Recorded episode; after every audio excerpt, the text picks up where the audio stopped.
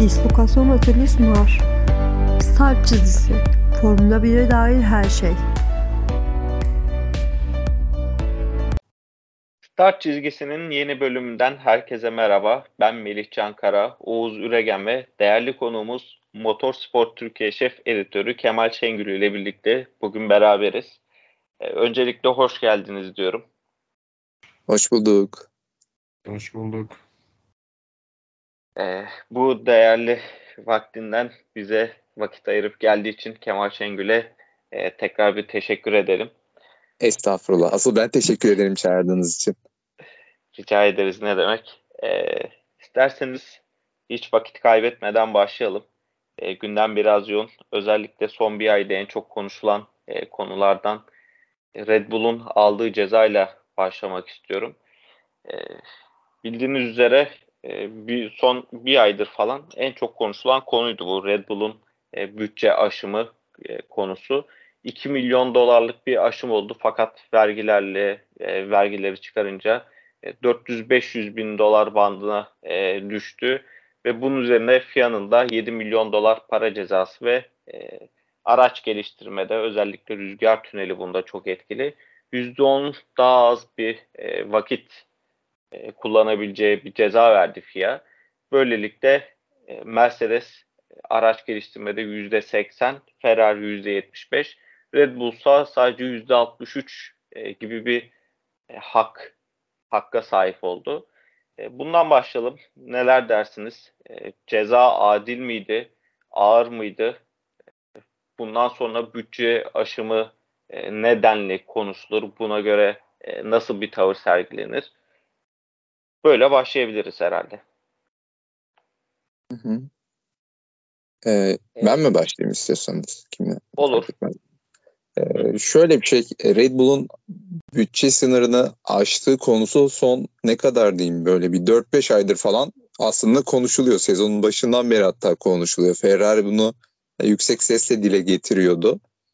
Böyle bir şey olacağını hemen hemen tahmin ediyorduk ama ne boyutta olacağı, kimin yapacağı bunlar çok belirsizdi ve Red Bull'un bunu yaptı ortaya çıktı.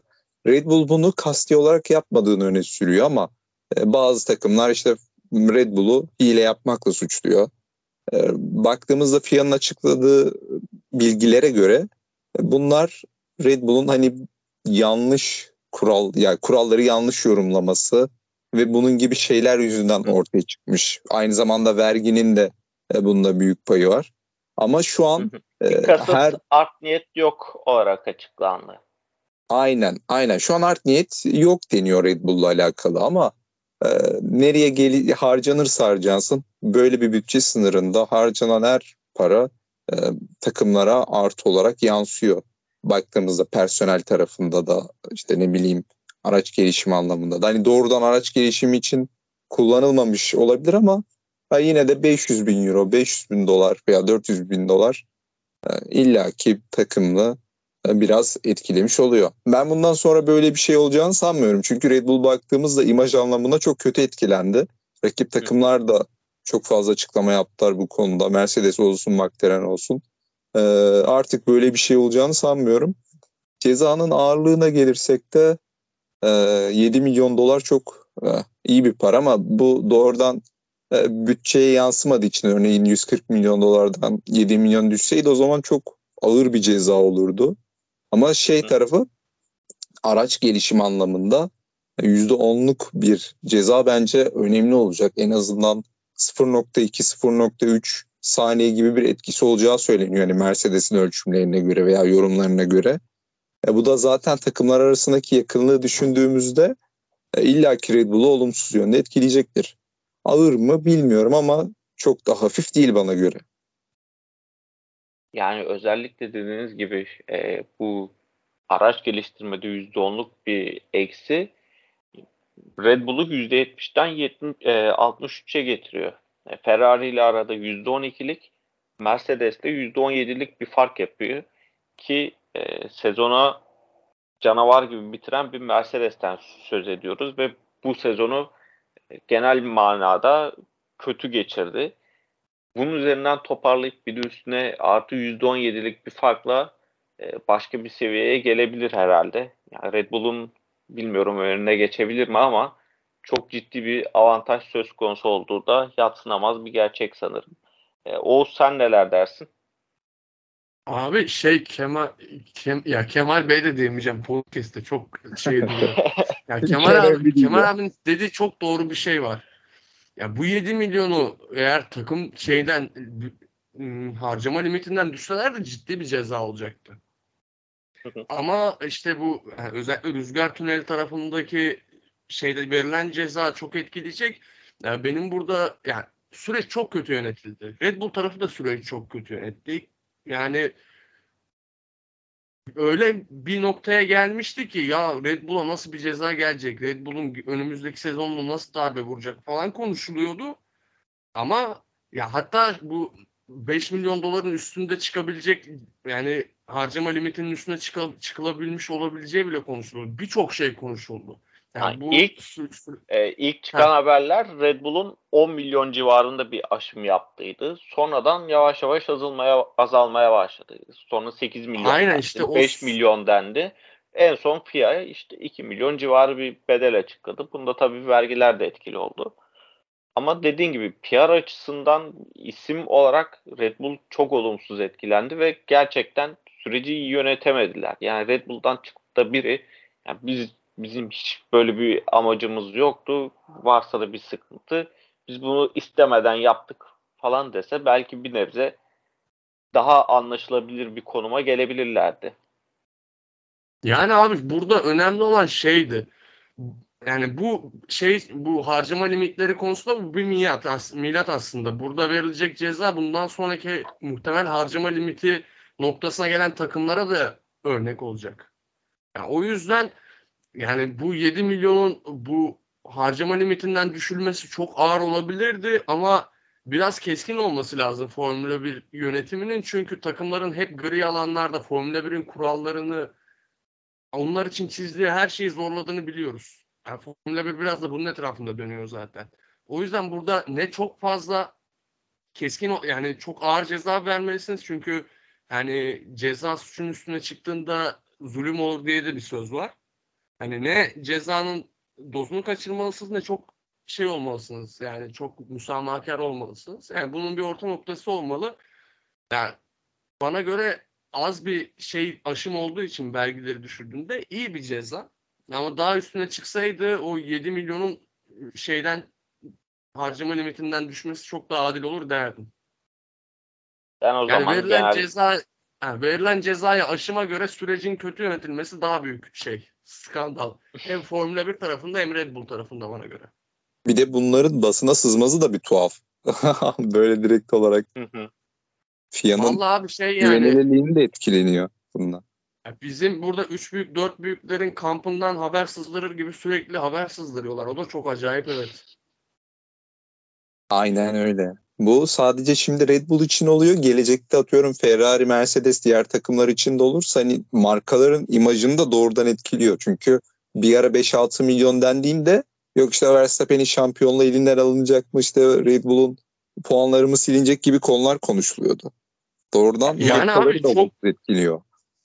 Yani çok şey kirli bilgi vardı yani. Bu kadar kirli bilgiye müsamaha gösterilmemesi lazım. Hem Red Bull'un aleyhine oldu. Bana göre Formula 1'in de aleyhine oldu yani. Neler konuşuldu, nereye geldi durum. Buralarda daha şeffaf olmak tüm paydaşlar açısından çok daha doğru olacak diye düşünüyorum Formula 1 içinde. Kesinlikle. Bence de en çok Red Bull'la birlikte buradan Formula 1 adı e, etkilendi.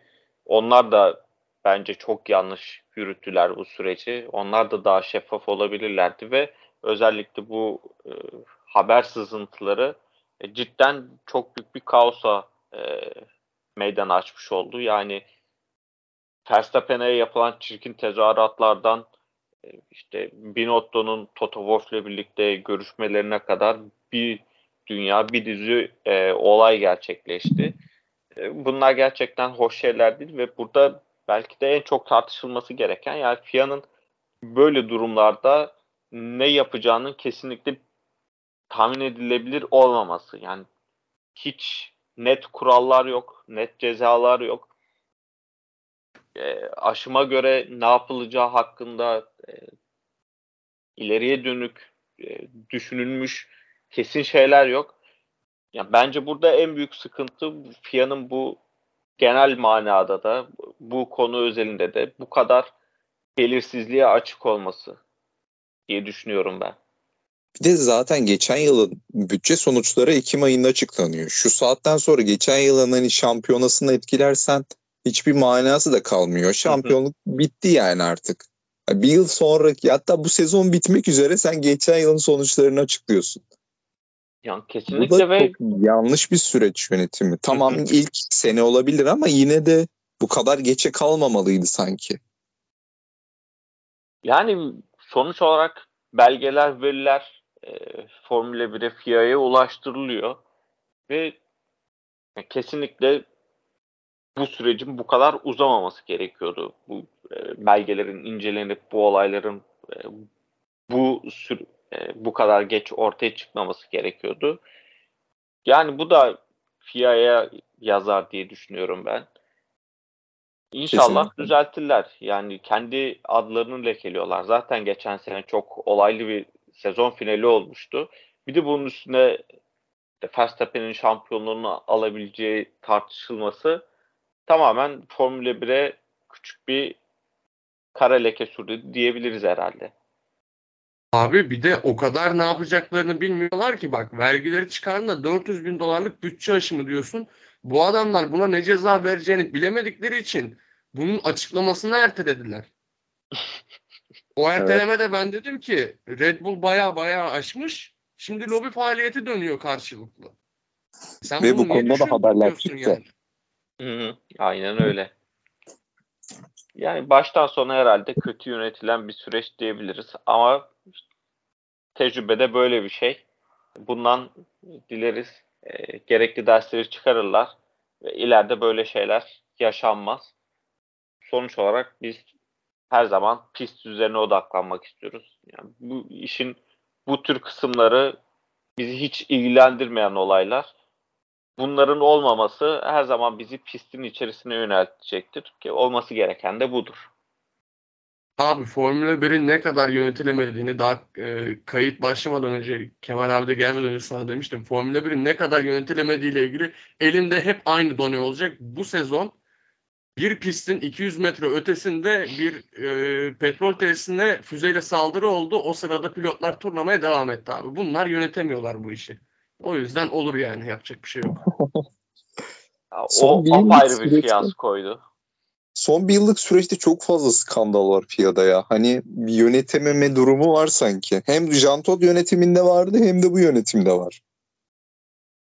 Kesinlikle. Hem de yönetim yani bu kadar e, olayın üstüne değişmişken bir de üstüne yeni yönetimle bu kadar olayın gerçekleşmesi akıl alır gibi değil. Bu kadar kaosun hüküm sürdüğü bir başka spor yok herhalde. Ya. Benim takipli takip ettiklerim arasında bu kadar kaos yok yani. Futbolu konu dışı bırakıyorum. O her zaman bir kaos hakim oraya da. Yani Netflix 1... etkisi mi acaba? Olabilir yani bu kadar çok konuşulmasında da kesinlikle zaten Netflix'in Drive to Survive'ın etkisi var. Ama bu tabii ki artılığıyla beraber eksilerini de getiriyor. Şu an için Formula 1'de o eksilerden etkilenmiş gibi gözüküyor. Kesinlikle katılıyorum. E, buradan isterseniz e, bu sezonun ardından e, 2023 kurallarına geçelim. E, 2022 bütün Formula 1 için e, son özellikle son dönemde e, dönüm noktalarından biri oldu. E, çok fazla kural değişikliği oldu. E, bununla birlikte birçok da sıkıntı ortaya çıktı. Başka e, başta yunuslama ya da dalgalanma olarak niteleyebil niteleyebileceğimiz sorun. E, bunun üzerine de özellikle taban kısmında ve bu dalgalanmanın yol açtığı problemlerden ötürü e, kimi kural değişiklikleri oldu. Kabaca e, belli başlı şeyleri anlatmak gerekirse e, taban kenarları 15 milim yükseltilecek 2023'ten itibaren. Ki bu ilk olarak 25 milim olarak açıklanmıştı. Fakat e, takımların bir takım itirazları oldu ve bunu 15 milime kadar indirdiler. 2022'de ise bu 8-12 milim arasında değişiyordu. Ön kanat planyalarındaki 35 milimlik ayar aralığı 2023'ten itibaren 40 milim olacak. Takla barının tasarımı ve dayanması gereken kuvvet değişecek. Özellikle Joe'nun Silverstone'da yaptığı kazanın ardından çok fazla konuşulmuştu taklabarı ve pek de etkili olamaması üzerine e, çok fazla eleştiri gelmişti. Bunun üzerine e, Formula 1'de bir adım atarak takla barında e, bir değişikliğe daha kuvvetli bir yapıya gidilmesine karar verildi.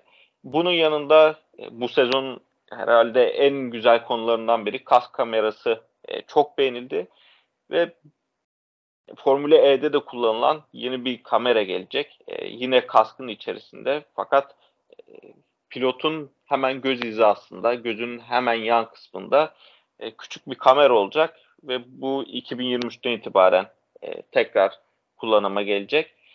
Ayrıyeten e, minimum ara, araç ağırlığı da tekrar 796 kilo olarak belirlendi. E, kabaca en öne çıkan 2023 kuralları bunlar. 2022'nin e, yarattığı sorunlar eşliğinde 2023 kuralları için e, neler dersiniz? Kemal Şengül sizle başlayabiliriz. Öncelikle e, bu yılki araçlar tasarlandığında kimse bu dalgalanma veya yunuslama olarak bahsedilen şeyi herhalde beklemiyordu. Hani birkaç takım yine buna göre hazırlık yapmıştı ama kimse bu araçlar piste çıktığında bu kadar büyük bir dalgalanma olması da beklemiyordu. E, zaten Bahreyn'de Bahreyn testleriydi galiba ya da Barcelona'ydı hatırlamıyorum iyi ki. Orada araçlar piste çıktığında ne kadar dalgalandığını gördük. Ondan sonra zaten sezonun büyük kısmı bunu konuşarak geçti. Ee, bazı takımlar bunu çözmeyi başardılar. Yere yakın yere yakın gitmeyi başarıyorlar ve aynı zamanda yunuslama veya dalgalanma yaşamıyorlar. Ama bazı takımlarda e, yere yaklaştıkları anda bunu yaşıyorlar. E, FIA 2023 ee, için kurallarda değişiklikler yaptı. Bu değişiklikler temelde araçların yere, yere yakınlığıyla alakalı ve dalgalanmayı azaltmaya yönelik. Başlangıçta 25 milimlik bir azaltma düşüncesi vardı. Ama bu e, Ferrari ve Red Bull gibi büyük takımlar tarafından reddedildi. Hani istemediler şey hatta FIA başkanına vesaire mektup yazdılar. Çünkü e, mevcut araçlarını ve süspansiyonlarını ya da aracın genel aerodinamisti buna göre yapıyor takımlar. Mesela aracın yerden yüksekliğini 25 milim yukarı çıkardığınızda o arka süspansiyonu veya ön süspansiyonu artık kullanamıyorsunuz. Hal böyle olunca da aracın tüm tasarımı değişiyor. Bu da gelecek yıl takımların baştan aşağı yeni bir şasi e, araç yapmaları gerektiği anlamına geliyor. E, bir orta yol bulmak çalışıyor. Bu kadar Hı-hı. etkili olduğu bir e, yeni dönemde 25 milim yani ciddi bir performans kaybı da beraberine getirecekti. Tabii Ama ki. Yani bunu 15'e kadar çektiler ki e, Bahreyn testlerinde çıkmıştı gerçekten de. O zaman e, şey yoktu. Bahreyn testlerinde e, canlı yayın vermemişti Formula 1. Fakat oradan kimi videolar geliyordu ve Mercedes'in çok fazla zıpladığı görülüyordu. E, şeyin de Alfa Tauri'nin de çok fazla zıpladığı görülüyordu. Barcelona'da iyice gün yüzüne çıkmıştı. Ya bütün araçlar dehşet bir şekilde zıplıyordu. Ve yani hemen ardından da şey haberleri çıkmıştı. Yani Mercedes kesinlikle böyle bir şey e, tahmin etmiyordu. E, rüzgar tünelinde hiç böyle bir şeye rastlanmadı. Ve bu çıkan dalgalanma, e, yunuslama diye, diyebileceğimiz sorun yani bütün takımlarda şok etkisi yaratmıştı. E, bundan e, en çok etkilenen de Ferrari ile Mercedes diyebiliriz herhalde. En e, önde olan takımlar olarak baktığında baktığımızda Red Bull'da da hafif bir zıplama vardı fakat hem o e, zıplamayı, dalgalanmayı minimuma indirmişlerdi hem de çok hızlı bir araçtı. Mercedes sezon içerisinde bunun üstesinden çok iyi geldi fakat Ferrari'de hala devam eden bir sıkıntı var. Bunlar benim küçük eklemelerim. Buradan devam edebiliriz. Evet evet kesinlikle. Mesela Red Bull'da Adrian Newey'nin e, çok nasıl diyeyim e, hakim olduğu bir konu olduğu için bu dalgalanmanın önüne geçmeyi başardı Red Bull. şu anda gridin herhalde en az dalgalanma sorunu yaşayan takımı Red Bull. Ve aracın tasarımını da buna göre, taban tasarımını da buna göre yaptılar. Hal böyle olunca ya biz zaten çözümü bulduk, aracı yere yakın kullanabiliyoruz. Diğer takımlar da kullanabilirler e, diye düşünerek bu kural değişikliklerine karşı çıktı Red Bull. E, Ferrari de benzer şeyi söyledi. Ama e, FIA bu güvenlik sebebiyle gelecek yıl kuralları büyük oranda değiştiriyor. 10 milim galiba e, son kural değişikliğinde olacak ya da 15'te sanırım. 15 miydi? 10, evet 15'te anlaşıldı. 15'te işte küçük şey e, Ferrari ve Red Bull 10 derken e, Red, Red Bull, e, Mercedes ve McLaren tam tersi şekilde 25'te de orta yol bulundu. E, bu muhtemelen gelecek yıl e, bu seneki araçların kullanılamayacağı takımların yeni bir şasi tasarlaması gerekeceği anlamına geliyor. Bu da küçük takımlar için pek iyi bir haber değil. Araçların o süspansiyondur, diğer tasarımlarıdır. Gelecek yıl yine değişecek. Bütçeler yine buna göre ayarlanacak. E, grid'deki düzen değişir mi emin değilim ama e, takımların artık yapacak daha fazla işi var. Orası kesin. E, Oğuz senin de fikirlerini alalım. Abi şu sıkıntı evet güvenlik nedeniyle böyle bir şeye karar veriliyor da abi o zaman Red Bull'un e, kabahati ne? Yani Adrian Newey işini en iyi yaptı diye cezalandırılması bana biraz şey geliyor. Ya kesinlikle evet. bu zaten en çok konuşulan, tartışılan konuydu. Yani Mercedes bu kadar şikayet ederken Red Bull'un en az zıplayan araç ve en hızlı araç araç olması bu işin gerçekten doğru bir şekilde yapılabileceği ama e, bazı takımların daha doğrusu Red Bull haricindeki diğer hemen hemen bütün takımların bunu başaramadığı için şikayet etmemesi gerektiğini e, savunuyordu Red Bull. E, aslında bir nebze de haklılardı davalarında diyebiliriz herhalde. Ki sezonun ilk yarısında e, bana sorun, Yunuslama sorunu olsa da performans kaybetmeyen bir Ferrari de vardı. Binotto da orada çok iyi iş çıkardı. Ama şey şeyden yani şunu söyleyebilirim. Yani bu kurala göre Adrian Newey yine çok iyi bir araç tasarlayacak. Ama yani keşke diğer takımlar bunu öngörebilseydi, işlerini doğru düzgün yapabilseydi de böyle her sene bununla oynama yapılmasaydı dediğim gibi Adrian Newey yine çıkartacak ama adam işini çok iyi yaptı cezalandırıldı. Bu çok saçma. Bir de kaynak harcadı Red Bull bu tarafa belki de. Yani elindeki bütün kaynağı belki de yarısını aracın bu sorununu çözmeye yönelik harcadı veya tasarımını buna göre yaptı. Şimdi gelecek yıl yeni bir tasarım yapmaları gerekiyor. Ya kesinlikle. Bu hep tartışılıyor yani, işte.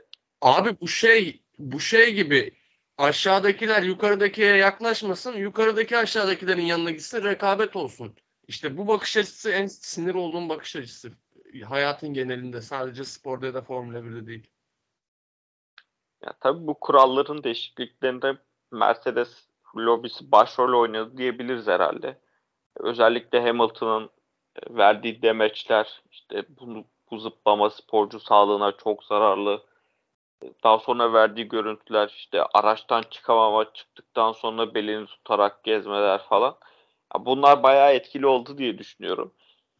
Ki dediğiniz gibi ikiniz, ikiniz de belirttiniz özellikle e, Ferrari ve Red Bull yani biz bu kadar iyi yapmışken Ferrari'de bu kadar büyük zıplama sorunu varken hızlı olabilmesi yani demek ki yapılabiliyor anlamını taşıyordu. Fakat Mercedes o kadar e, kuvvetli bir takım ve lobi haline geldi ki yani kuralların esnet, esnetilmesine neden oldular diyebiliriz herhalde.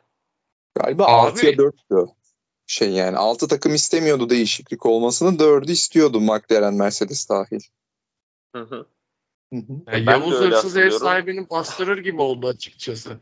Yani sen ya abi e, öyle bir yani sporun kökten yani araçların tasarımının yani her şeyin kökten değiştiği bir yılda şöyle düşün sen bir cerrahsın kalp ameliyatı yapıyorsun, kalbi unutuyorsun. ya o, ha, o, o cerrahı sen hala tutar mısın o hastanede? E sen kendine baksana neden biz bunu atladık diye. Bizim aracımız niye gerçekten dedemin traktöründen daha çok zıplıyor diye bir düşündünüz mü? Aston Martin. Yani, yani o Ya- zaman e, perfor- performanstan şey yapacaksın sporcu sağlığını düşünüyorsan. Ya da bir seneyi yakacaksın. Önümüzdeki sene yeniden bir araç yapacaksın. Ve aslında çok Evet. basit bir denklem de kuruyorlardı ya yıl içinde. Aracı yer- yerden yüksekliğini arttır. Sürücünün de Evet. beli ağrımasın Yani diyorlardı. aynen öyle. Ki sezon içerisinde de bir takım değişikliklere izin verdi Formula 1 yönetimi. Zaten bunlarla birlikte de biraz bu dalgalanmanın önüne geçebilirler. Ama burada gerçekten sporcu sağlığını öne sürerken e, araçları yükseltmemek aslında yani en kaba tabiriyle burada yani iki yüzlülük diyebiliriz herhalde. Madem bu kadar çok değer veriyorsunuz sporcularınızın, kendi pilotlarınızın sağlığına, e, bu kadar da zorlanıyorlar. E, aracı yükselteceksin o zaman ya. Bu çok basit bir Abi, var. Allah aşkına sporcu sağlığını düşüneni gördük. Sisli, sisli havada 5 metre önlü yağ- yağıştan göremiyorken traktör soktular piste. ya burada da gerçekten hani sporcuların her şeyini, hayatını, ah Hamilton'ın belini, yok Gazze'nin gülüşünü önemsiyoruz, koruyoruz da girmesin Formula 1. Bu çok kötü bir ikiyüzlülük bak. İkiyüzlülüğün bir tutar tarafı var. Ya bir de dediğin Ben- gibi Ben Bu hiç traktörü- ki Formula 1'in herhangi bak ben hiç görmedim ki Formula 1'in herhangi bir yönetim döneminde kim yönetirse yönetsin sporcunun sağlığının önemsendiği abi.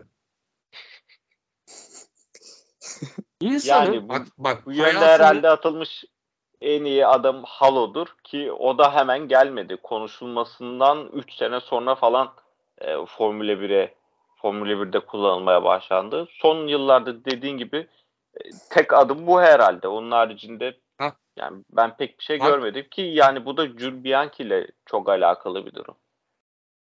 çok iyi noktaya temas ettin. Sadece Formula 1 yönetimi de değil. Halo'nun çıktığı zaman takımların, pilotların görüşlerini gerçekten hepsini tek tek çıkartalım.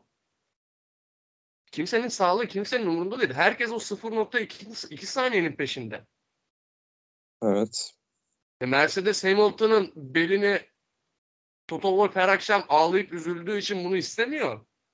Mercedes daha fazla ön tarafa yaklaşabilmek için istiyor. Bu kepazelik yani bu iki yüzlülük, iki yüzlülük değil bu. Ya bunu söyleyin deyin ki bizim deyin lobimiz kuvvetli biz Red Bull'un seviyesine gidemeyeceğiz. Biz ya, onları aşağımıza çekeceğiz. Bak bu çok dürüst olabilir. Çok şeytane bir yaklaşım olabilir ama dürüst olur. Ya Formula 1'de hiç hiçbir zaman bu kadar şeffaflık ve dürüstlük olmadı herhalde. Ben hiç hatırlamıyorum. Önceki Abi yıllarda da Mercedes aynısı yapılıyordu ya. İşte hı. parti modu falan yasaklandı, o oldu, bu oldu. Mercedes'i durdurmaya çalışıyorlardı. Formula 1'de bu hep oluyor ya.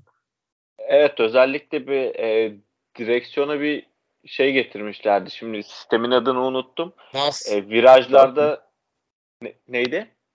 Das. das. Ha evet. Yani virajlarda direksiyonla oynayıp e, aksamı ona göre ayarlayıp her virajda bir e, süre kazanma gibi bir olayları vardı ki hep de bahsediliyordu. Yani kurallardaki gri bölgelerden elde edinilmiş bir kazanımdı.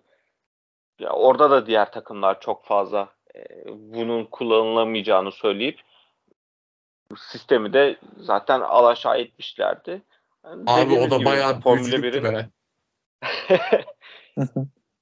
yani gri bölgelerden her zaman yararlanıyor Formula 1 takımları. Ee, ben o zaman en son olarak şu soruyu sorayım. Bu yeni 2023 kuralları ile birlikte e, 2023 sezonu 2022 sezonundan ne gibi farklılıklar getirir? Bu sefer sen başla istiyorsan. Vallahi abi şey bu dediğin gibi bu 15 ya bu yükse- yükseklik sıkıntısı yani Mercedes ne yapacak mesela? Mercedes'in ne kadar faydasına olacak?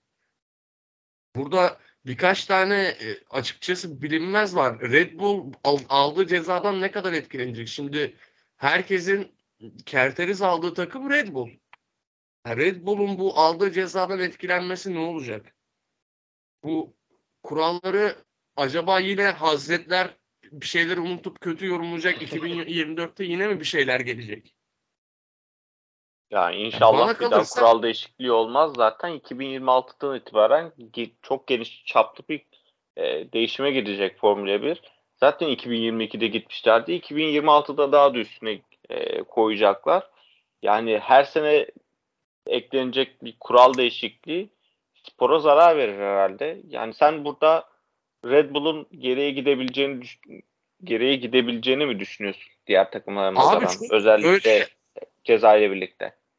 Ya majör bir geriye gidiş olmayacak bana göre de işte aldığı cezayla ya bana kalırsa Newey yine önüne konan şeyden malzemeden yemeği çok güzel yapacak. Ama işte o dedik, dediğim gibi rüzgar tünelinde daha az şey geliştirme yapabilmenin daha daha az elde edecekler. Bu onları bir tık geriye getirecektir. Bana göre orada Mercedes biraz daha gelişim sağlayacak ve Ferrari'yi geçecek. Biz yine Red Bull Mercedes görebiliriz. Ama şöyle bir şey var. E yine en iyi araç bana göre Red Bull olacak. Etkilense de aldığı cezadan. E, en iyi pilot da onlar da bana göre. Şu anda bir şampiyonluk yarışında isteyeceğiniz bir numaralı pilot da onlar. Biraz açıkçası bu sezon başında heyecan yaşamıştık. Ben önümüzdeki sezon öyle bir heyecan yaşayabileceğimizi dahi düşünmüyorum. Çünkü benim Ferrari'den de pek de bir umudum yok açıkçası. Ya Mercedes gelişse de nereye kadar Red Bull'u yakalayacak? Ya O yüzden 2023 sezonu benim önümüzdeki sezonla ilgili abi en büyük motivasyonum Aston Martin Alonso işbirliği. Orada o takım nasıl gelişecek? Alonso onları nereye kadar ittirebilecek? Yani öyle şeyleri kovalıyorum. Onun haricinde şampiyonluk yarışında da dediğim gibi e, Red Bull'un çok çok kötü sarsılacağını düşünmüyorum. Tamam. Ee, Kemal Şengül'le devam edelim. Ee, Ben gelecek yıl önemli olacak şeyin Mercedes'in de Red Bull'un da araç konseptlerinin ne kadar geliştirilebilir olduğu olduğunu düşünüyorum. Hani araçlarının mevcut konseptleri e, ne kadar daha böyle şey e, gelişim oranı açık, serbest. Hı hı. E, Mercedes'in Yani şu mesela ankilerin gelecek yıl- üzerine Hı hı, sen. şu ankilerin üzerine daha ne kadar koyabilirler mi? Evet aynen öyle. Şu an aracın gelişim daha ne kadar böyle araçta bir yerleri geliştirebilecekler. Şimdi çünkü Hı e, aracı bayağı bir geliştirdi. Gelecek yıl Mercedes'in yeni bir konsepte geçeceği söyleniyor. Hatta söylenmiyor direkt takım söyledi. Hal böyle Aynen. olunca Özellikle sidepod tarafına biraz yaklaştılar. Ee, şu anki gibi olmayacak ama çok da büyük farklılıklar olmayacak e, dediler. İlk ipucu buydu herhalde.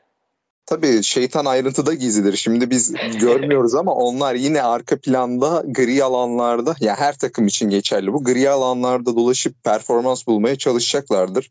Artık motor tarafında gelişim olmadığı için iş tamamen şasiye döndü. Şasi tarafında neler yapacaklar? E, Dediğim gibi bu sidepod konseptinden vazgeçip yeni bir şey mi deneyecekler?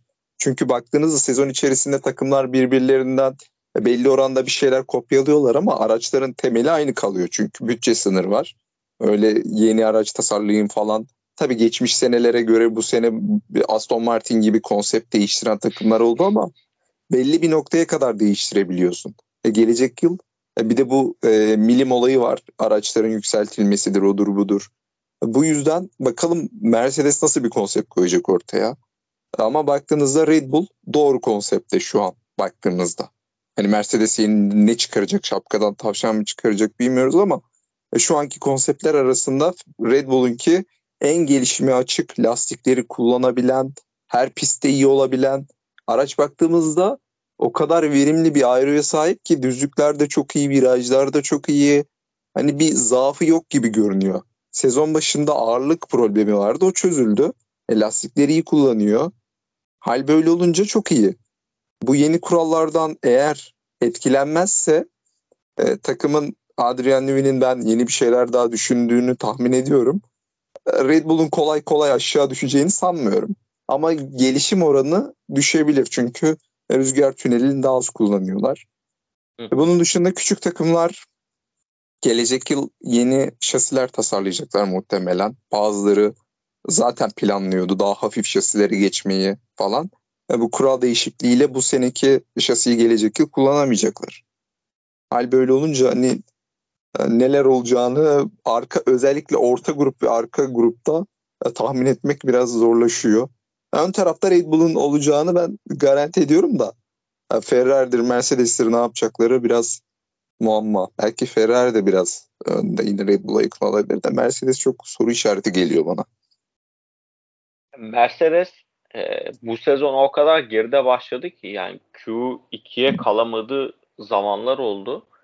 Q3'e birçok kez kalamadılar e, iki pilotla birlikte. Ya oralardan şu an e, galibiyeti oynayan bir takıma evrildiler. O kadar e, büyük çaplı bir e, gelişim gösterdiler. Toto Wolff da açıkladı. Bu sezon e, bir tane bile yarış kazanmamız gerçekten bizim için çok kıymetli. Çünkü çok iyi bir gelişim e, gösterdiğimizi ve kazanabilecek bir e, araç ortaya koyduğumuzu gösterecek şeklinde. E, bir yandan da Red Bull zaten çok iyi bir araçken daha da üstüne koydu. Daha da üstüne koyduğunu nereden anlıyoruz?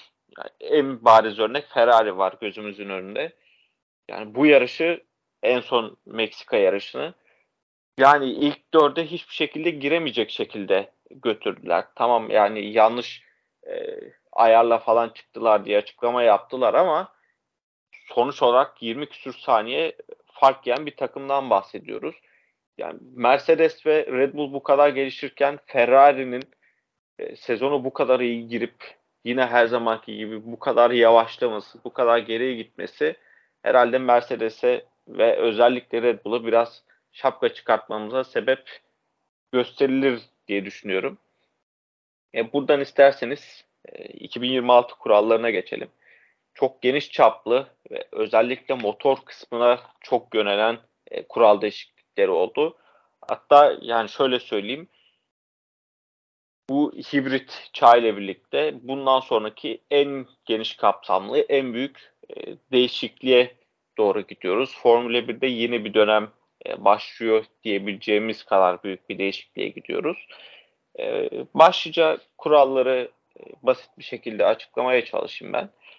Şu anda da kullanılan içten yanmalı motorlar devam devam edecek fakat bunlar %100 sürdürülebilir yakıtla kullanılacak. Şu anki yakıtlardan ziyade belediye atıklarından elde edilen yakıtlara daha fazla öncelik verilecek. Öyle söyleyeyim. Hatta tamamen e, bu yakıtlar kullanılacak. E, MGUH kaldırılacak. Özellikle e, Volkswagen grubu markaları e, bu bunu ön şart olarak sunmuştu. Çünkü çok kompleks bir yapı ve bu yapı e, diğer markaların Formula 1'e girişini biraz zorlaştırıyordu.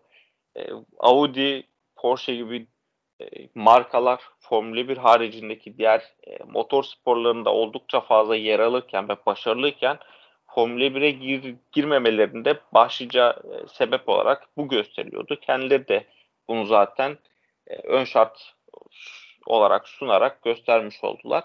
E, hibrit sistem ön plana çıkacak 2026 ile birlikte ve e, 470 beygirlik bir güç elde edilecek. E, mevcut araçlarda mevcut e, güç ünitelerinde e, toplamda 1000 beygirlik bir güç üretiliyor. Bunun 215 beygiri hibrit sistemden, kalanı ise içten yanmalı motordan geliyor. Yani 215 beygirlik bir güç e, 2026'dan itibaren 470 beygirlik e, bir güce evrilecek. Burada tabii elektrik enerjisi üretimi e, göze çarpıyor. Bu bunda çok büyük bir artış olacak. E, iki katından daha fazla. Fakat 1000 beygirlik güçlü bir azalma olmayacak. E, içten yanmalı motor 540 beygir e, civarı civarını indirilerek yine 1000 beygir civarı bir güç üretilmiş olacak. Yani şu an e, özetlemek gerekirse mevcutta da 1000 beygirlik 1000 beygir civarı bir güç olacak 2026'dan itibaren de. Fakat aradaki fark şu an 215 beygir e, hibrit sistemden karşılanıyorken 2026'dan e, itibaren 470 beygir e, hibrit sistemler karşılanacak. E, bunda da tabii e, sürdürülebilir yakıt e, önemli bir etken olacak. E, sürdürülebilir yakıtla birlikte e, akış oranı düşürülecek. Böylelikle içten yanmalı motorda daha az güç üretecek. E, güç ünitesi bütçe sınırına dahil edilecek. Bu 2023'ten itibaren geçerli olacak ama 2026 kuralları içerisinde yer alıyor. E, şu anki güç ünitesi bütçe sınırı 2022-2025 arası 95 milyon dolar. 2026'dan itibaren ise 130 milyon dolar olarak belirlendi.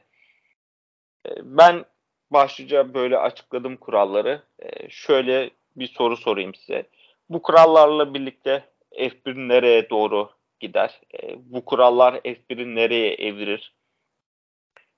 Formula 1'e girmek isteyen markalar markalar için bu kurallar nedenle önemli? Bu soruları yönelteyim size. Kemal Şengül ile birlikte başlayalım. Güzel açıkladın öncelikle. Ağzına sağlık. Biraz ee... uzun oldu kusura bakmayın ama yani elden geldiğince kısaltmaya ve basitleştirmeye çalıştım. İnşallah anlaşılabilir bir seviyeye getirmişimdir. Bence gayet akıcıydı, güzeldi. Öncelikle şöyle diyeyim, yeni kurallar temel olarak e, yeni üreticileri spora çekme amacıyla getiriliyor. Burada Audi'dir, Porsche'dir, e, yeni üreticilerdir. Arka planda Formula 1 ile görüşen yeni üreticiler de var. Bunlar e, Formula 1'e girmek için kurallarda değişiklik istiyordu tamamen. Mevcut kurallar mevcut üreticiler için iyi ama yeni gelen üreticiler için iyi değil. Çünkü finansal anlamda e, iyi değil. Karmaşık çünkü şu anki motorlar. E, bunun dışında üreticilerin çevre sürdürülebilirlik konularında talep ettiği şeyler var. Kısacası yeni bir kural şeyine paketine ihtiyaç vardı. F1'in yeni paketi de tam olarak onların istediği gibi. Öncelikle bu e, MGUH diye okunuyor sanırım. E, bunun kaldırılmasıyla güç ünitesinin en karmaşık yapısı ortadan kalkmış oluyor. Bu hem e, maliyetli... Küçük bir araya gireyim. Onun Hı-hı. da e, açıklamasını şöyle yapayım. E, MGUH dediğimiz sistem e, ısı enerjisini geri kazanım sistemi e, temelde. Yani egzoz gazlarından gelen ısı enerjisini elektrik enerjisine dönüştürüyor. Yani e, aracın kendi içerisinde sağladığı enerji dönüşümü aslında. Evet, aynen Ama, öyle. Yani çok kompleks bir yapı olduğu için yani diğer markaların gerçekten de spora girişini bir nebze engelliyordu herhalde. Böyle diyebiliriz. Audi ve Porsche'ye göre öyle. Onlar en başından beri bu ünite varsa kardeşim ben gelmiyorum diyordu. F1 en sonunda e, diğer üretici, üreticilerle görüşüp bu üniteyi ortadan kaldırdı. Bunun yerine artık elektrik tarafı daha çok ön plana çıkıyor. Buradan direkt olarak bir yeni üreticilere mesaj verdiler hani sizin istediğinizi yaptık gibisinden. E bunun dışında güç ünitesini tasarlarken mevcut hibrit motorları korumaya devam ediyorlar. Bu zaten elektrikliye geç, geçmediklerine göre hani elektrikli güç ünitelerine eskiye de dönemeyeceklerine göre hibritle devam etmeleri mantıklıydı. O açıdan çok şaşırtıcı olmadı. Onun yerine yani zaten biraz biraz daha zorlasalar Formula 1'i kapatıp Formula E'den devam edecekler direkt. Aynen öyle. Zaten oraya doğru biraz... gidiyor. Oraya ya bu kadar gidiyor. da zorlamanın manası yok. Yani 2026'dan itibaren bunlar geçerli ama yani 2036'da 2040'da falan artık ne olur? Elektrikliye geçişi göreceğiz bence artık o dönemde mecburen. Dünyanın gittiği yöne dünyanın gittiği yöne doğru bakarsak elektrikliye doğru gidiyor. Gelecek yılda zaten elektrik tarafındaki güç 350 kV'ya kadar çıkacak güç ünitelerindeki. E, bunun yanı sıra e, güç ünitesi maliyetlerini büyük oranda düşürüyorlar. Onun dışında nasıl diyeyim bu güç ünitelerini taraftarlar için daha çekici hale getirmeye çalışıyorlar. E, işte yüksek güçtür, yüksek devirdir e, yarışılabilirliği arttırmaktır. E, bu tarz şeylerle hem pist üstündeki mücadeleyi arttırmaya çalışıyorlar hem de yeni üreticileri spora çekmeye çalışıyorlar. E bunun yanında sürdürülebilirlikle çevreye işte pozitif mesajlar vermeye çalışıyorlar. İşte çevreye yardım etmeye çalışıyorlar. Pek çok açıdan umut vaat eden bir kural paketi gibi görünüyor. Ama bunun performansı nasıl etkileyeceğini şu andan bilmek çok zor. Çünkü 2014'te kurallar değiştiğinde Mercedes çok büyük bir hakimiyet kurdu. Bir de güç ünitesi doğrudan nasıl diyeyim aracın kalbi olduğu için e, performans üzerinde çok büyük bir etki yaratıyor. Şu an bakıldığında ilk hedef olan yeni üreticileri çekme hedefi e, tutmuş gibi görünüyor. E, bütçe kısıtlamasıyla finansal anlamda da iyi olacak. E, %100 sürdürülebilir yakıt geliyor. Bunun da performans ve gösteri tarafı şimdilik soru işareti. Ya kısacası dediğim gibi bu yeni üniteler bence tamamen yani büyük oranda yeni üreticileri spora çekmeye yönelik diye düşünüyorum ben. E, bunun başında da Audi geliyor. Zaten onlar da e, açıklamayı yaptı. E, Sauber'in önemli bir hissesini alarak Alfa Romeo'nun işine son verdiler diyebiliriz herhalde. E, gelecek sezonda Alfa Romeo adı altında e, takım devam edecek. Fakat 2024-2025'te e, Sauber ve daha sonrasında Audi olarak yoluna devam edecek. E, yeni üreticileri çekmekten bahsettik fakat e, Dominicali sürekli olarak Formula 1'in şu an fazladan bir takıma ihtiyacı yok. Mevcutları korumak ve onları geliştirmeye e, çalışıyoruz diye sürekli açıklama yapıyor. Tabii ki Stefano Dominicali'nin bu açıklamalarını daha doğrusu genel olarak kendisini çok fazla e, ciddiye almamak lazım. Sürekli kendisiyle de çelişen ve farklı şeyler yapan bir insan. Ama yani bu açıklamalar varken bilmiyorum 2026 için e, özellikle girecek diğer markalar için ne düşünüyorlar? E, bununla birlikte takvim ne derece büyür? Formula 1 daha ne kadar farklı yerlere yayılır? E, buradan da Oğuz'a geçeyim. E, Oğuz sen neler düşünüyorsun? Kurallarla birlikte Formula 1'in geleceği ne olur? Audi ile birlikte başka üreticilerde, başka markalarda nedenle Formüla'ya giriş yapmak ister. E, burada Porsche de etkili tabii. Onlar da Red Bull'la anlaşmışlardı. Fakat e, Red Bull çıkan haberler doğrultusunda konuşuyorum. E, takım içine karış karışmasını istemediği için Porsche'nin tam yetkiyi istediği için anlaşmayı daha sonradan sonlandırdılar ve Porsche şu an Formüle girmek istediği fakat giremediği bir konuma geldi. Bunlar üzerinden sen neler söylersin? Formula 1 Abi ilk önce 2026'dan sonra ne olur? Abi ilk oralardan başlayayım sonra takım yani girmek isteyen markalara şey yaparız. Ya bu açıkçası Formula 1'in özellikle şey anlatısı üzerinden işte bu e, pit stoplarda hortum boru boru yakıt arabalara basılması falan o müsriflik falan onlardan biraz o antipatikliği aşmak için ve hatta tabii ki e, nasıl diyeyim daha çok yakıt tasarrufuna dünyanın evrilmesiyle birlikte o yöne gittiğini görmesiyle birlikte de e, turbo hibrit çağ olmuştu ve bence başarılı da bir çağ oldu. Her ne kadar tek bir takımın domine etmesi e, sporun rekabetini öldürse de bence güzel de geçiş oldu çünkü zaten işin buralara geleceği çok belliydi. O zaman da görülüyordu. Hatta şu anda bir 15-20 yıllık projeksiyonda ne noktaya geleceğimiz bile çok bana göre bilinmez.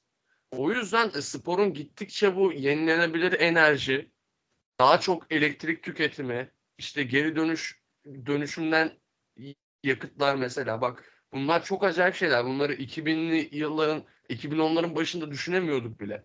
Nerelere geldi? Ya açıkçası Volkswagen grubu bunları diretirken şeydi abi çok basit bir mantıkları vardı diyeyim. Basit bir matematikleri vardı.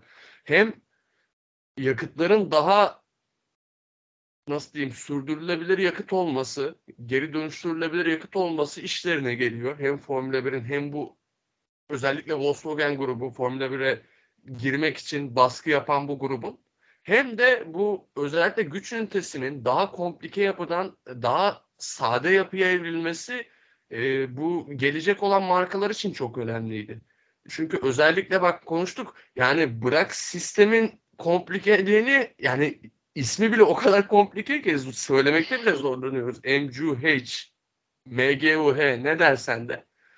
Özellikle bunun kaldırılmasını diretmelerindeki sebep buydu. Çünkü takımların çok fazla kaynak ayırdığı bir yer burası. Yani hem dünyanın ekonomik yapısına bakarsak hem de bu takımların buraya bu kaynağı ayırmasını istememesine bakarsak çok normaldi bunun kaldırılması. Yani bana göre de 2026'dan sonra spor daha iyi bir noktaya evrilecektir. Hala söylüyorum bunu sezon içinde söylerken de bahset bu fikirdeydim. Hala suya yazı yazıyoruz çünkü önümüzde e, 4 senelik bir süreç var. 4 sene sonra gelecek bu kurallar. Bu kurallar geldikten bir süre sonra biz bunu yorum elimizde done de olsun isteyeceğiz yorumlayabilmek için. Ama şu anda baktığımızda umutluyum açıkçası 2026 sonraki sürece. Özellikle Audi ve bana göre gelecek Porsche gibi Volkswagen grubunun spora girmesi Formula 1'e çok büyük etki yaratacak.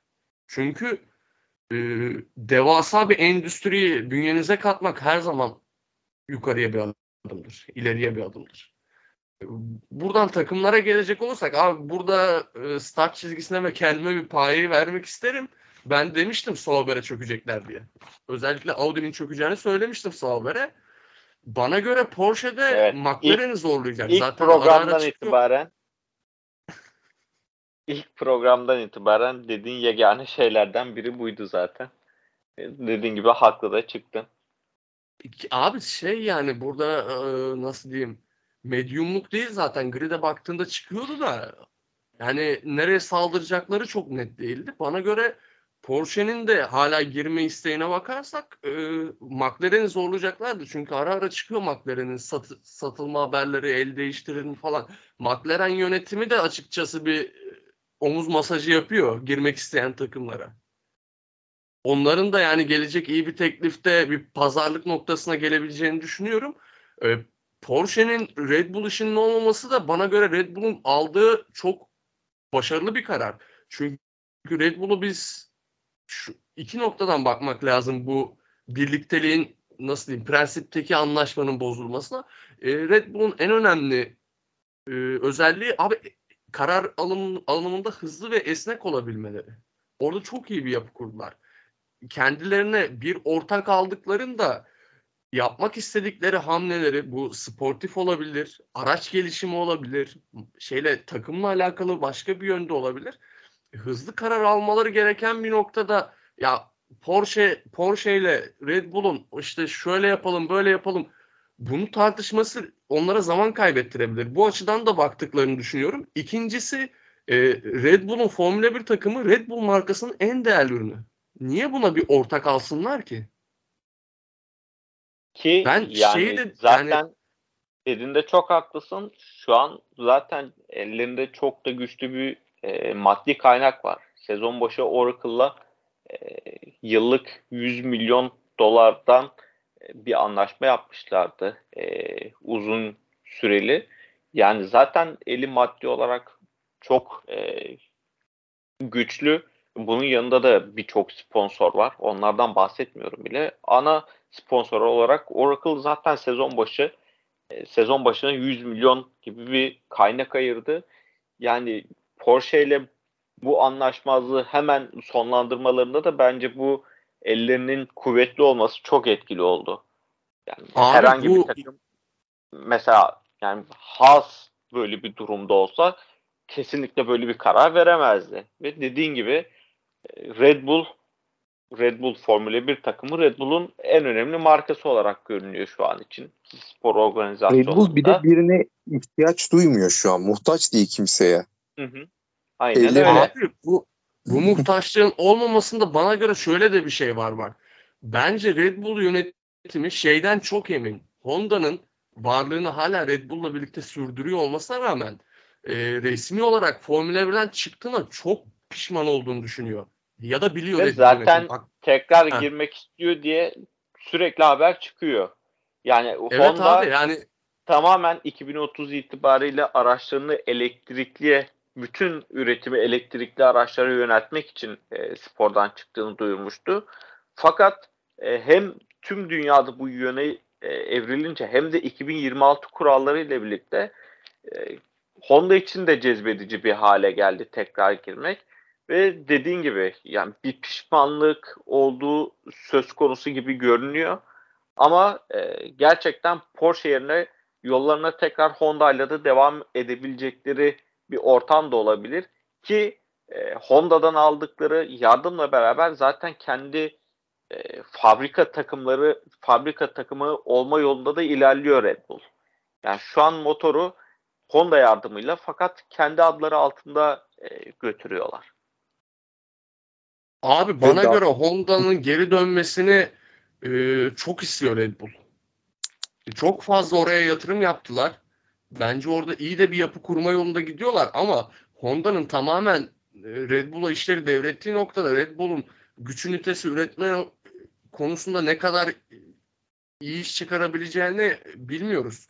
Bana göre dediğim gibi Porsche'ye bu kadar kolay kapıyı göstermelerinin birincil sebebi Honda'nın çok pişman olması ve geri dönmek istemesi.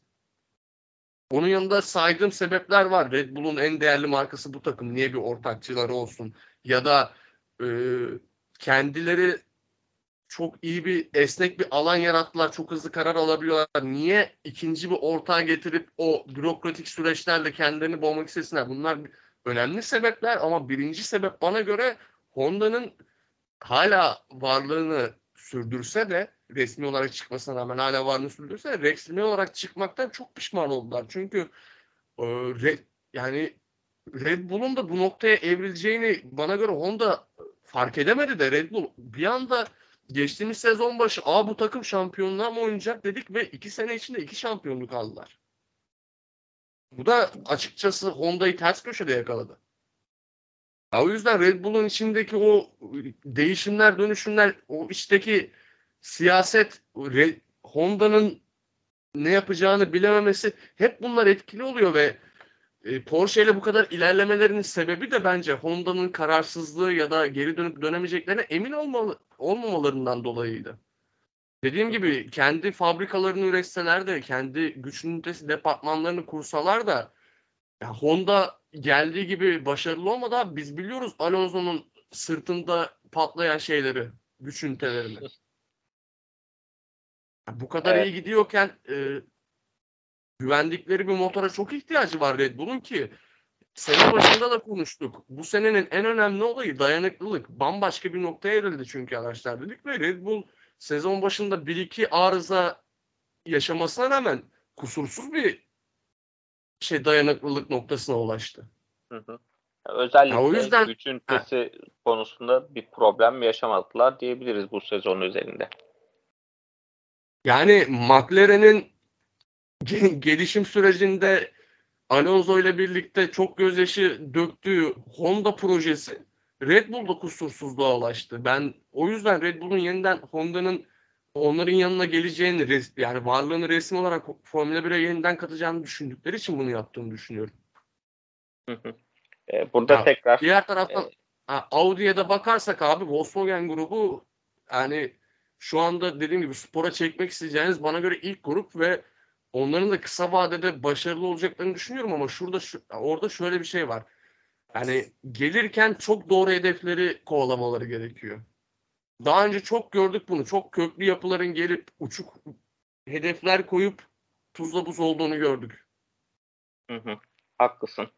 Ee, burada tekrar Kemal Şengül'e döneyim ve e, Red Bull Porsche ortaklığı e, neden olmadı? E, sen neler sen neler düşünüyorsun? E, Honda tekrar spora girer mi ve e, Audi girdi. Bununla birlikte Porsche de eğer e, tek girerse, girebilirse e, gridde çok fazla Alman üretici olacak. Böyle bir durumda Alman üreticiler e, F1'e damga vurabilir mi? Aslında çok güzel söylediniz yani. Ba- Bana söyleyecek çok fazla şey kalmadı ama şöyle genel olarak bakarsak e, Red Bull bence de doğru karar verdi. Şimdi Porsche tamam çok büyük bir üretici, çok fazla şey katabilirdi Red Bull'a. Ama Red Bull'dan da çok fazla şey götürebilirdi şu anki yapıya bakıldığında. Tamam e, yeni bir üretici olacaktı, işte destek verecekti. Ama aynı zamanda yönetim yapısı değişecekti ve Red Bull artık daha kurumsal bir takım olacaktı. Ve bahsettiğiniz sebeplerden ötürü eskisi kadar e, o rahatlık onlarda olmayacaktı. Hal böyle olunca da takım olumsuz etkilenecekti. Bir de hani Porsche'nin direkt olarak çok güçlü bir motor yapacağının da garantisi yok. Abi hem riskli hem e, çıkarlı bir anlaşma olabilirdi. Bilmiyorum yani nasıl bir şey getirirdi ama sonuç olarak olmadı. Şimdi Porsche'nin yeni bir arayışta olduğu biliniyor ama ellerinde de çok fazla seçenek yok. E, Williams'ın bir seçenek olduğu konuşuluyor. Baktığınızda onlar da çok köklü bir takım. Ama son yıllarda çok fazla sorunlar yaşadılar. Mali krizler yaşadılar. Bugün bile hala e, son yıllardaki o sorunların bedelini ödüyorlar bakıldığında. Çünkü çok fazla personel kaybettiler. Altyapıyı geliştiremediler. Önemli, ellerindeki önemli isimleri kaybettiler. E, farklı takımlara gitti. Hal böyle olunca e, Williams geriledi. Yani Porsche oraya yatırım yapıp belki Williams tarafında bir şey yapabilir ama onun dışında e, McLaren'leri falan ben pek gerçekçi görmüyorum. Çünkü bakıldığında Audi zaten McLaren'le çok görüştü ve orada bir anlaşma olmadı. Çünkü McLaren hani e, nasıl diyeyim bağımsızlığını kaybetmek istemiyor. Belki motor partneri doğrudan motor partneri olsa olabilir ama Porsche'nin öyle bir amacı yok. Porsche fabrika takımı olarak biraz daha takımları kullanmak istiyor. Sadece motor üreticisi olsaydı zaten Red Bull'la onu yapardı. O açıdan ee, daha böyle bağımsız bir takım almaları daha mantıklı. Grid'e bakıldığında da çok fazla seçenek yok. Sauber en mantıklı seçenekti. Çünkü çok iyi bir e, rüzgar tünelleri var. F1 olmasa bile farklı serilerde büyük takımlar veya büyük, büyük üreticiler gelip onların rüzgar tünelini kullanıyor. Audi o yüzden çok mantıklı bir anlaşma yaptı ve Sauber'i kaptı. Ama onun dışında bakıldığında e, Williams dışında bir seçenek ben göremiyorum e, Porsche için. Porsche özelinde. Olursa Williams olabilir. Onun dışındaki şeyler sürpriz olur. E, belki de hiç girmeyebilirler ama girmezlerse de hem F1 için hem Porsche için çok büyük bir hayal kırıklığı olacak. Çünkü hakikaten çok istiyorlardı bu sefer girmeyi spora. O açıdan yani biraz karmaşık bir konumda Porsche. Hala arayıştalar. Kapatmadılar defteri ama zor olacak bu noktadan sonra girmeleri. E, bunun dışında e, 2026'da Audi girdiğinde direkt olarak başarılı olacaklarını sanmıyorum. Çünkü Mercedes, Ferrari hatta Renault, e, Red Bull'un kuracağı yapı Red Bull Powertrains yani nasıl olacak? Bence daha iyi olacaklar Audi'ye göre. Çünkü ellerinde bir temel altyapı var. Audi'nin direkt olarak gelip onlarla birebir mücadele etmesi kolay olmayacak. Ne kadar da Audi olsa o yapı. Ee, o açıdan ilk başta direkt olarak kafaya oynamaları, şampiyon olmaları zor, zor olacak. Ee, ama ondan sonra zamanla Audi'de e, ön tarafta olacağını düşünüyorum. Zaten kendini kanıtlamış. Nerede yarışırsa yarışsın hep şampiyonla oynamış bir markadan bahsediyoruz. Tabi o açıdan Audi'nin F1'e değer katacağına eminim. Bunun dışında belki birkaç üretici daha girerse şaşırmam ben ama hangisi olur, kim olur bilmiyorum. belki Andretti e, Porsche anlaşması görebiliriz 11. takım olarak. Yani öyle bir yapı da gelebilir. Ee, kısacası böyle yani. Birazcık muamma dolu şu an. Şimdiden yorum yapmak gerçekten çok zor. Abi ya zaten... çok şey suya yazı yazıyoruz da ben bir tahminde daha bulunayım. Porsche olmazsa McLaren'e bir Amerikan markası da çökebilir. Amerikan pazarında Formula 1 gittikçe etkisini arttırıyor. Bir Amerikan takım markasını orada görmek isteyebilirler. Ya Haas gibi olmasın da gerçekten Abi yok, girecekse bir Amerikan marka, üretici. Ford falan gibi mi? Ya Ford olabilir başka Amer şey neydi o? Chevrolet Ford'un Amerikan hiç ilgisi ya? olmadı ama. Yani Amerik Amerikan markalarının neredeyse hiç ilgisi olmadı F1'e. Daha ziyade farklı motor sporlarına kaydı onlar. F1 şu an için yakın gelecekte pek ihtimal dahilinde gözükmüyor bence. Yani e, bana Amerikan yani bana kalırsa ben McLaren'e daha Porsche'yi yakın görüyorum. Yani bu bir şey varsayım. Açıkçası bu Audi Sauber olayı çok böyle açık belliydi de bu olsa şey kendime çok paye veririm de yani McLaren'e bir Chevrolet falan kabarırsa hiç yadırgamam bu arada bunu da söyleyeyim çünkü 2026'ya e, kadar çok önümüzde uzun bir süreç var. Bence o markaların da aklını çelmeye çalışacak Amerikan pazarına bu kadar fazla gidilmesi. E, belki e, fazla takımla birlikte yarış takviminde büyümesiyle birlikte bambaşka bir şey olabilir. Belki 11-12 takımlı 24 e, yarıştan fazla yarışa sahip e, bir takvimle birlikte yani Formula 1 bir yandan çok da büyüyebilir. Bir yandan da e, belki rahatsız edici bir seviyeye de gelebilir. bilmiyorum çok fazla zaten özellikle sporun içerisinde olan baş, baş aktörler şikayet ediyor bu konudan. E, takvimin çok büyümesiyle birlikte e, bilmiyorum siz neler dersiniz yani daha fazla takım görürüz. Takvim gittikçe bu, genişler mi? Bu takvim konusu ayrı bir şey. Hatta yani ben Kemal abinin uygun bir gününü yakalasak konusu. sadece takvim üzerine bir pod, podcast yapsak bak e, bunun gerçekten takımları bırak yani mühendislere ya pilotları falan geçelim abi. Bu 30 yarış konuşuluyor. 30 yarışın e, konuşulduğu bir demeç gördüm ya. 30 yarış ne demek abi? Bu mühendislerin hepsi kuş tüyü yastıkta özel jetlerde mi uçuyor? Siz insanlarla çalışıyorsunuz. Ya 30 Bak, yarış demek bir yandan da ondan fazla takım anlamına geliyor. Yani ben ben de direkt o canlanıyor. Bence ya bunu da amaçlıyorlar gibime geliyor. Çünkü bu kadar gelişme, bu kadar sporun büyümesiyle birlikte çok daha fazla bir e, istek var.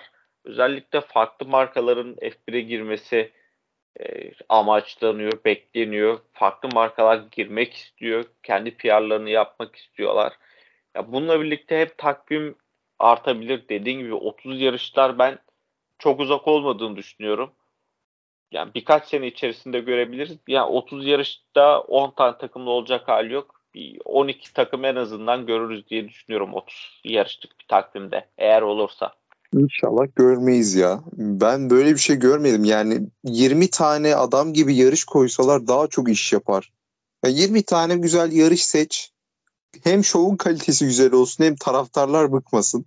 Sen 30 yarış Abi, koyarsan ya kim ya nasıl şu... olacak? Nasıl böyle? Yani gazeteciler gazeteciler de dahil olmak üzere herkes bıkacak bence bu işten. İşin arka planındaki insanlar için de kötü, taraftarlar için de kötü. 30 hafta Kesinlikle. sonu yarış tak, yarış için ekran karşısına mı oturacak millet? Ya zaten sene 52 hafta. abi bir yerde nitelik patlıyor ya. Bunu yani bunu göz önüne alamayacak kadar şey değil insanlar değil bilgisiz insanlar değil bunlar da yani korkunç bir şey. Para. Ya zaten para sene 52 gibi. hafta ve 100 gün gibi bir süreleri var. E, ara var araçları geliştirmek için. E, sezon bitiminden diğer sezon başlangıcına kadar. 30 e, haftayı oraya nasıl sığdıracaklar hiçbir fikrim yok. Belki sezon bitişiyle sezon e, gelecek sezon başlangıcını kısa tutabilirler. Ama tabii ki sizin de, de belirttiğiniz üzere şu an biraz farazi konuşuyoruz. Ama yani 2026 birlikte çok şey değişecek. 25 yarışma. Bence 25 yarı garanti yani 25'e çıkması. Önümüzdeki birkaç yıl içerisinde abi, çıkacaktır. Yaz Bana arası hakikaten abi. Yaz arasını çok büyük koparacaklar. Katılıyorum. Evet yaz arası tamamen kaldırılabilir de böyle bir durumda söz konusu. Yani bence bu kaçınılmaz gibi görünüyor. Ama ne kadar bir süre zarfında gerçekleşir bunu pek tahmin edemiyorum ama yani herhalde bir 5-6 yıl içerisinde 30'a doğru yaklaşırız gibime geliyor. Maalesef. Abi iki şeyi biz değil torunlarımız görecek. Birincisi Ferrari'nin şampiyonluğu, ikincisi Formula 1'in gerçekten yönetilebildiği bir dönem. Yani hadi birincisinin bir, bir ihtimali var da ikincisi çok zor. Yani öyle dönemlerden geçiyoruz ki çok düzülebilir gibi gözükmüyor o da. Hem F1 hem FIA'nın ikisinin birden doğru yönetilmesi gerekiyor şu an. Şu an ikisi de e, tam tersi yönde olduğunu düşünürsek yani Ferrari gibi bir şeyden geçmeleri, tedrisattan geçmeleri gerekiyor ki en baştan yani doğru düzgün bir şeyler seyredelim. Yani takvimin genişlemesinden falan bahsediyoruz ama bu sene herhalde hatırda kalan böyle 3 tane çok zevkli yarış sayamayız. Yani saysak da bunlarda pist üstünde gerçekleşen e, çekişmeden ziyade olayları e, yaşanan olayları sayabiliriz herhalde. O yüzden ben de hem takvimin genişlememesi taraftarıyım hem de e, pistlerin de bu yönde çok daha düzgün seçilmesi gerektiğini düşünüyorum. Yani Las Vegas falan katılacak. Pist değil Ha, değil bilmiyorum. Las Vegas'ın. Kesinlikle Na-. Na- NASCAR'dan hallice bir şey. Suudi Arabistan pisti de mesela iyi değil. Bu tarz pistler Singapur'da bana göre öyle yarışılabilir bir pist değil. Yani Meksika'da fazla örneğin Meksika'da Evet. örneğin bence çok özellikle böyle mücadeleye uygun bir pist değil. ya bu Ama sezon hepsi üzerinde onu takvimde bir çok yer buluyor. gördük. Evet yani DRS olması neredeyse geçişin olmadığı çok fazla pist var ve cadde pistleri de çok fazla e, çoğalmış durumda ve görünen o ki biraz daha artacak. Ya bunlar bilmiyorum spora ilgiyi mi arttırıyor, eksiltiyor mu ama bence hoş olmayan şeyler. Biraz o konunun dışına çıktık ama yani bu konu hakkında da sizden birer cümle daha alayım. Ondan sonra yavaştan e, kapanışa doğru geçelim isterseniz. Son olarak ben şey, bir şeyler söyleyeyim. Yani şu an dediğim gibi az önce takvimdeki belli yarışların direkt olarak hani çıkarılıp bir daha oralara gitmemeleri lazım. Yani bunlar zaten belli. Sezona baktığınızda hiç geçişin olmadığı, mücadelenin olmadığı böyle saçma sapan yarışlar vardı. Buraların Hı hı. çoğuna da para yüzünden gidiliyor. Tamam anlıyorum Kesinlikle. E, ama biraz da taraftarları falan da düşünmeleri lazım. Şov şov diyorlar. Araçları değiştiriyorlar ama pist iyi değil. E, yaptığın araç da işe yaramıyor orada. E, o yüzden hiçbir anlamı da kalmıyor.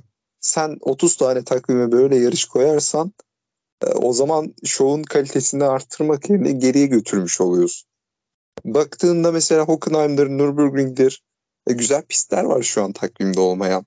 E, buraları getirip e, tamam bir dengeye kalansın ama son dönemde hep saçma sapan pistler takvime giriyor. Aa, Şu an yeni giren pistlerden hangisi sizce iyi? İstisnalar hariç. Yok yani. Belli başlı yarışlar hariç yeni gelen yarışların hiçbiri iyi değil. Bunları görüyor ama ona rağmen yine Las Vegas gibi saçma sapan pistler ortaya çıkıyor. Belki güzel bir yarış çıkar beni utandırırlar inşallah ama yani baktığımızda şu an yeni gelen pistlerin hiçbiri iyi değil bence. Kesinlikle katılıyorum. Ya pistler yani çok fazla üzerinde düşünülmüyor gibi duruyor ama yani pistler Formula 1'in gerçekten çok önemli bir e, yerini kapsıyor. Çünkü yani Formula 1'i Formula 1 yapan o araçların hızıyla birlikte yapılan geçişler, e, yaşanan olaylar yani bunlar olmadıktan sonra, geçiş olmadıktan sonra, bütün geçişler DRS'ye bağlandıktan sonra zaten bir seyir keyfi de kalmıyor. Yani insanlar bu sefer küçük bir iki çaplı kaza olsa da işte e, güvenlik aracı girse de stratejiler değişse de diye e, böyle bu bakış açısıyla yarışı izlemeye başlıyorlar. Bence bu çok büyük bir e, kalite kaybına yol açıyor. Oğuz sen neler dersin? Senden de Abi son bir çok- cümle alayım. Yani çok bir şey konuşmaya zaten gerek kalmadı. Çok güzel açıkladınız. Ee, 30 yarışlık sezonda 10 tane ciddi pi- pisti ve türevi olacaksa abi hiç gerek yok. E çünkü bir noktada WhatsApp gruplarında şey diyorsun. Latifi baba yap bir şovunu da iki kan gelsin yarışa. Ya para önemli de abi. İşi karikatür etmemek de önemli. Ve Bir denge e, lazım. Ha bu çok aslında zor bir denge de. Yani sadece şunu söyleyeceğim bak bu pistleri tasarlayan insanların bizden farkı olduğu için bu kadar e, para kazanıp değerli insanlar oluyorlar abi. Yani ciddi pistini iki hafta uğraşsam ben de tasarlayabilirim. Bula bula bunu mu buldun Allah aşkına o kadar çalışıp? Ya da Las Vegas yani bunları arttırabiliriz de. Yani biraz daha özenin şu işlere ki hani şimdi çok lineer olarak çekmediğiniz kitle bak Formula 1'de ben bu tehlikenin de oluşabileceğini düşünüyorum bak. Çok fazla artış var ama bence bu sağlıklı bir artış olmayabilir ve bir noktadan sonra bunları kaybedebilirsin de.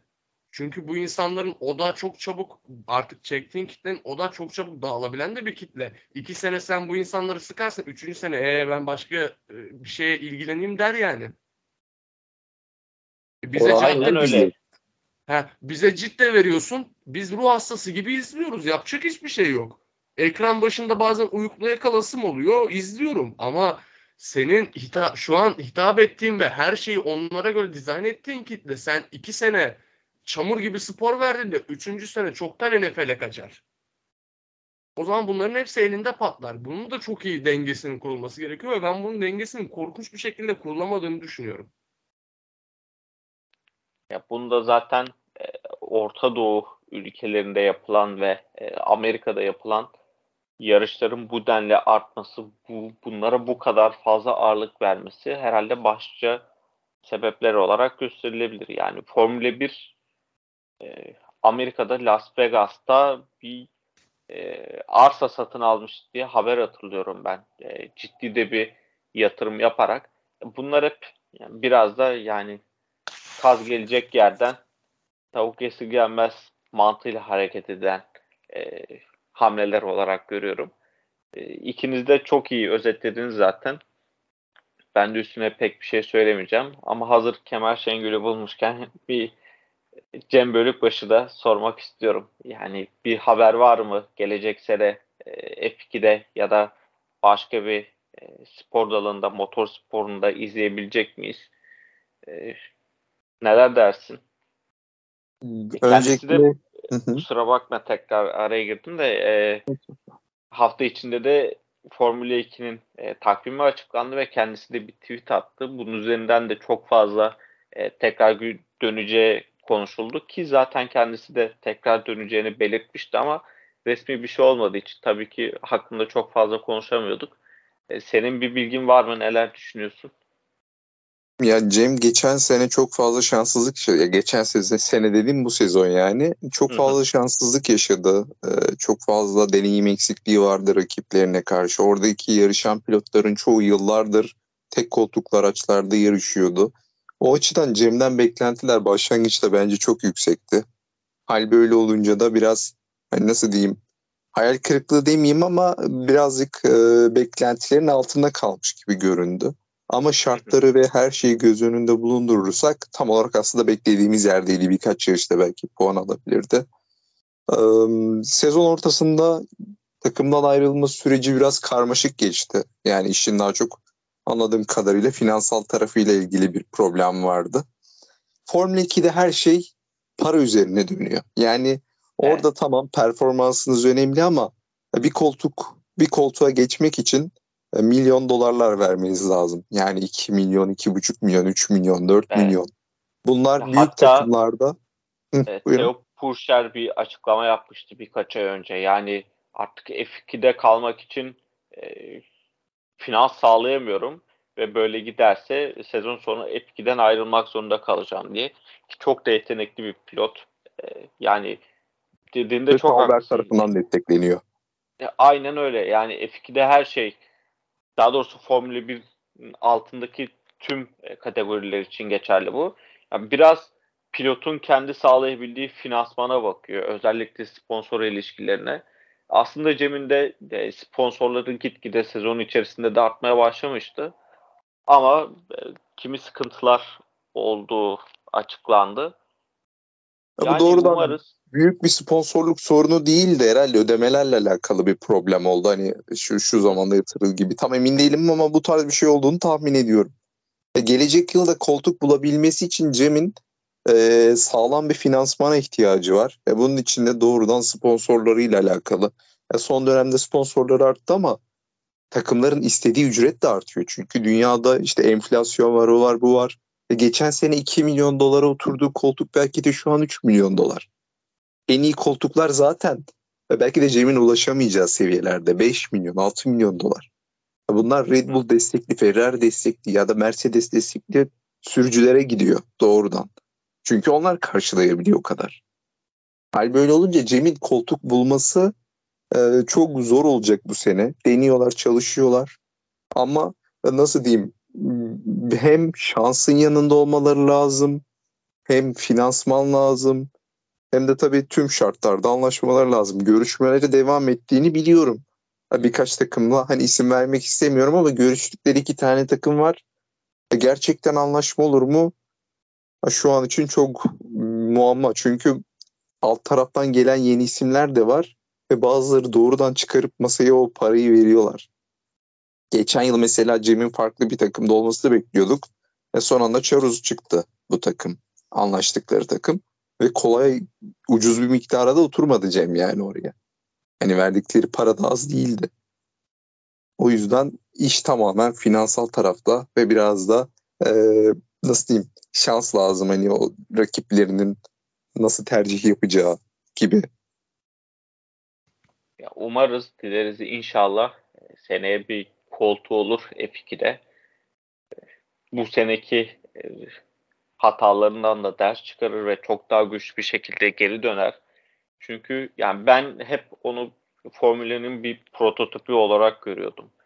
E, gelişim e, seyri açısından yani herhalde ben ben başka bilmiyorum böyle bir e, kariyer planlaması olan pilot.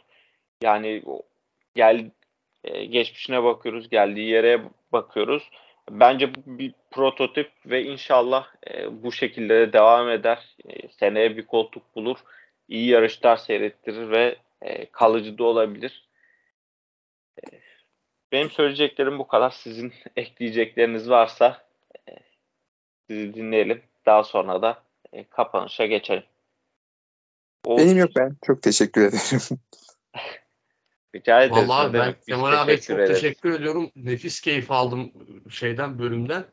Ben de aynı evet. şekilde. Ağzınıza sağlık. Çok güzeldi. Çok sağ olun. Senin de yani çok gerçekten hem bilgi dolu hem de e, çok keyifli bir sohbet oldu diye düşünüyorum. Ben çok kaliteli bir program oldu diyebiliriz herhalde. Ben tekrar ben... teşekkür ederim kendi adıma. E, program e, arkadaşlarım adına da arka plandaki herkes adına çok teşekkür ederim. Yani bu kadar yoğunluğun arasından bu kadar kıymetli bir vaktini bize ayırdığın için bu kadar keyifli bir program yaptığımız için ben teşekkür ederim. Asıl ben teşekkür ederim tekrardan. Çok keyif aldım ben de. Çok e, bilgi dolusunuz siz de. E, bu dönemde böyle bilgi dolu insanlar bulmak kolay değil. Ağzınıza sağlık. Teşekkürler. Yani elden geldiğince takip etmeye, bir şeyler e, kapmaya ve insanlara da anlatmaya çalışıyoruz. E, yardımcı olabildiksek ne mutlu bize. O senin ekleyeceğin bir şeyler var mı? Yani şey Kemal abi şey diyecektim. Abi o kadar rafine ve bilgi dolu bölüm oldu ki ben goy goy yapamadım bu bölümde.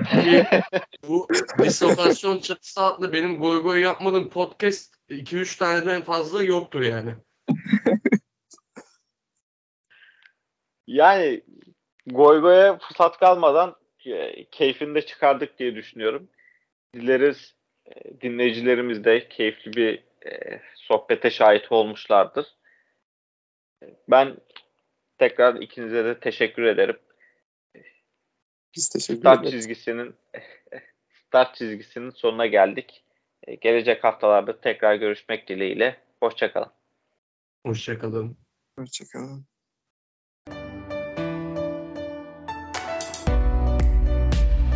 Start çizgisi. Formula 1'e dair her şey. Dislokasyon Atölye sundu.